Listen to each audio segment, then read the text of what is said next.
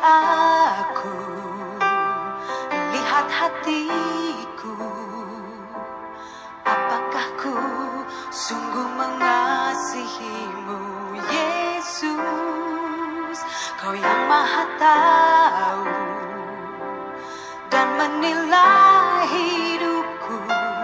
Tak ada yang tersembunyi bagimu. Sendiri aku lihat hatiku. Apakah ku sungguh mengasihimu Yesus? Kau yang maha tahu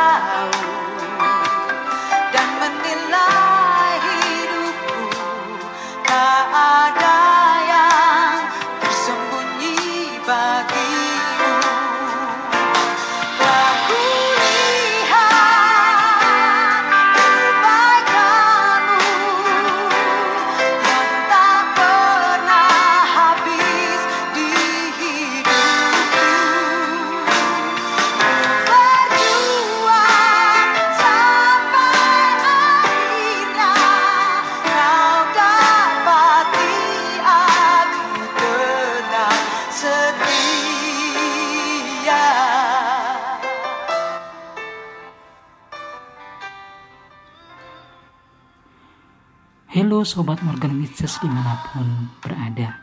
Selamat hari Minggu. Selamat menikmati Minggu Anugerah Tuhan yang baru. Dan berharap hari ini kita masih diberikan kesehatan dan kekuatan Untuk kita bisa menikmati ibadah bersama dengan Tuhan dan juga orang-orang kita kasihi. Sobatku, mohon maaf selama satu minggu ini tidak mengudara atau tidak mengirimkan podcast dalam renungan firman Tuhan yang setiap hari kita dengar. Dan berharap kerinduan yang tersampaikan hari ini boleh mendapatkan respons yang baik dari setiap kita yang telah mendengar dan menyimak renungan kita pada hari ini. Sobatku, dalam pembacaan kita hari ini, kita akan kembali melanjutkan pembacaan seminggu yang lalu. Namun sebelum kita sama-sama menikmati firman-Nya, mari kita menaikkan hati kepada Tuhan, bersyukur untuk segala kasih setia Tuhan. Bahkan di minggu ini kita boleh diberikan nafas yang baru, kesehatan yang baru. Dan itulah yang membuat kita semakin mengenal Allah kita yang hidup itu. Mari kita bersama-sama mengambil waktu teduh.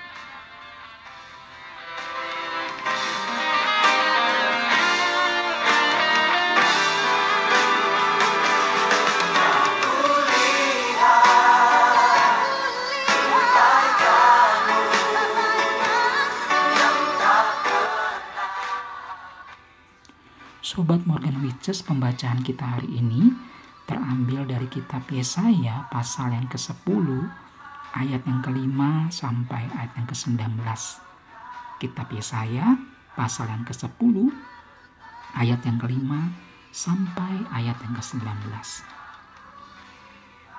Sobatku, sebagian orang di antara kita mungkin adalah pribadi yang tidak mau dituduh atau bisa jadi mungkin kita sulit menerima kesalahan atau kritikan dari orang lain. Sebagus apa pun diri kita tetap ada cacatnya. Sama seperti sebuah alat sebagus, sebagus apa pun sebuah alat itu tidak akan berguna jika tidak ada orang yang menggunakannya. Namun apa yang terjadi jika alat yang dipakai itu justru menyombongkan diri kepada pemakainya. Sobatku inilah yang diungkapkan oleh Yesaya di mana sangat terlihat kesombongan dari bangsa Asyur. Kebesaran dan kekuatan Asyur sebenarnya telah terbukti. Di balik semuanya itu, sesungguhnya Allah Israel yang menjadikan Asyur menjadi bangsa besar agar dapat dipakai oleh Allah sebagai cambuk murka dan tongkat amarah dalam melaksanakan rencana Tuhan. Namun ketika Raja Asyur menjadi sombong dan menganggap bahwa apa yang dimilikinya dikarenakan kekuatannya sendiri, maka di situlah Tuhan murka terhadap Raja Asyur. Sobatku, bangsa Asyur telah lupa diri dan jatuh dalam kesombongan. Padahal Allah memakai Asyur untuk menghukum Israel. Sobatku, sungguh unik bukan? Allah mengasihi bangsa Israel. Namun kasih Allah tidak dibalas dengan hal yang sama oleh umat pilihannya Israel. Sehingga Allah ingin mendidik umat Israel melalui keberadaan bangsa Asyur. Allah memakai bangsa Asyur sebagai bangsa yang punya eh, kemiliteran yang hebat untuk menundukkan kekuatan Israel. Dan akhirnya bangsa Asyur pun pun berhasil. Dia berhasil menundukkan atau mengalahkan kekuatan militer dari bangsa Israel. Sehingga umat pilihan Allah yaitu Israel tidak berdaya lagi menghadapi bangsa seperti Asyur. Namun yang menarik adalah bangsa yang dipakai oleh Allah untuk mendidik yaitu bangsa Asyur. Justru Allah menjatuhkan hukuman kepada bangsa ini karena kesombongannya. Sobatku, kalau kita melihat bagaimana perjalanan bangsa Asyur, kerajaan Asyur telah menjadi kekuatan yang besar. Kebesaran Asyur itulah yang membuat para raja gentar dan bersatu padu untuk melawannya. Namun mereka tetap saja dapat ditaklukkan. Bahkan Yehuda yang bersekutu dengan Asyur sendiri sebagai mitra tidak luput dari kebuasan bangsa Asyur. Hal inilah yang menjadikan rasa As Raja Asyur congkak atau sombong. Ia merasa bahwa semua kemenangan yang diperolehnya karena kepandaian dan kekuatannya. Satu hal penting yang dilupakan oleh Raja Asyur adalah dirinya hanyalah alat yang Allah pakai bagi bangsa Israel sebagai umat pilihan Allah. Kita bisa melihat dalam ayat 12 sampai ayat yang ke-15. Asyur dipakai Allah sebagai alat cambuk untuk menghukum umat Allah dan bangsa-bangsa. Sesuai dengan tema hari ini, aku dan kamu hanya alat. Sobatku, dalam bagian ini kita bisa melihat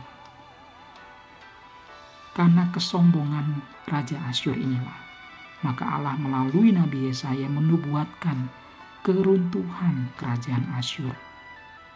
Hukuman Allah bersifat menyeluruh, mulai dari tanah, ladang pertanian, dan perkebunan akan dimusnahkan hingga puing-puingnya dapat dihitung oleh anak-anak kecil. Hal tersebut menunjukkan bahwa kesudahan dari kesombongan bangsa Asyur yang mencoba menentang Allah yang Maha Kuasa. Yesaya memakai kata cambuk sebagai alat untuk menghukum dan bukan untuk membunuh. Hal ini menjadi jelas bahwa Israel tidak akan dihancurkan oleh Allah, namun mereka harus masuk dalam satu suasana atau satu masa yang mana mereka harus menerima peringatan keras dari Allah. Karena Asyur telah bersikap sombong muruk maka Allah juga menubuatkan akan kehancurannya.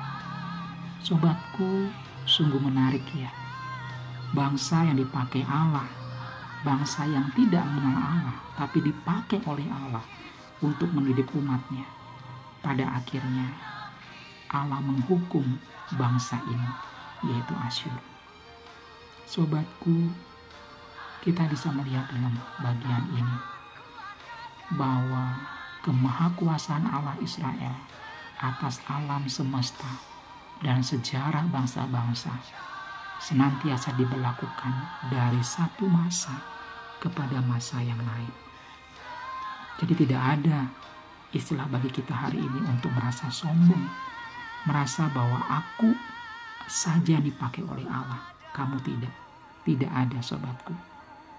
Kita semua dipakai Allah untuk memperlebar kerajaannya melalui setiap pemberitaan Injil yang kita dengungkan, yang kita sebarkan. Dan itu menjadi kekuatan bagi setiap orang yang mendengar dan menerima Yesus Tuhan dan Juru Selamat. Sobatku, karena kesombongannya, manusia cenderung membanggakan jabatan, kekayaan, pangkat, maupun juga semua karunia yang Tuhan berikan. Terlebih lagi orang cenderung menempatkan kepandaiannya sebagai unsur utama pembawa kesuksesan atau keberhasilan dan tidak mau mengaku bahwa ada Tuhan yang berkarya di balik semuanya itu.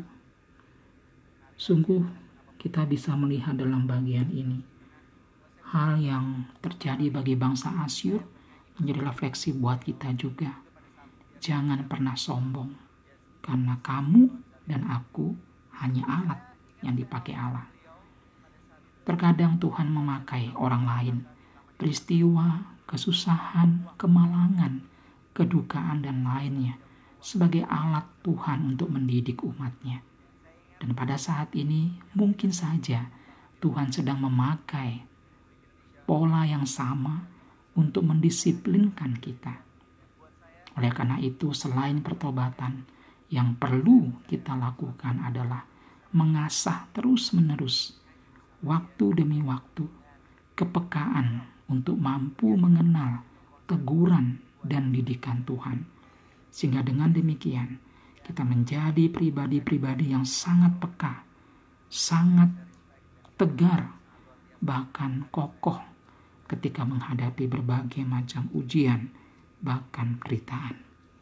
Biarlah firman Tuhan pagi hari ini menolong setiap kita untuk kita sama-sama belajar semakin dekat dengan Tuhan, peka dengan suara Tuhan. Sehingga dengan demikian, ketika keadaan sekitar kita begitu tidak pasti, kita tetap percaya kepada janji Tuhan yang pasti itu. Dan kita tetap boleh terus terasa untuk dipakai Tuhan menjadi alatnya, menjadi pelaku-pelaku firman Tuhan yang hidup dan nama Tuhan dipermuliakan. Selamat hari Minggu, selamat beribadah, dan jadilah pelaku-pelaku firman Tuhan dalam di tiap tempat profesi apa pun yang Tuhan tempatkan sobatku dan saya.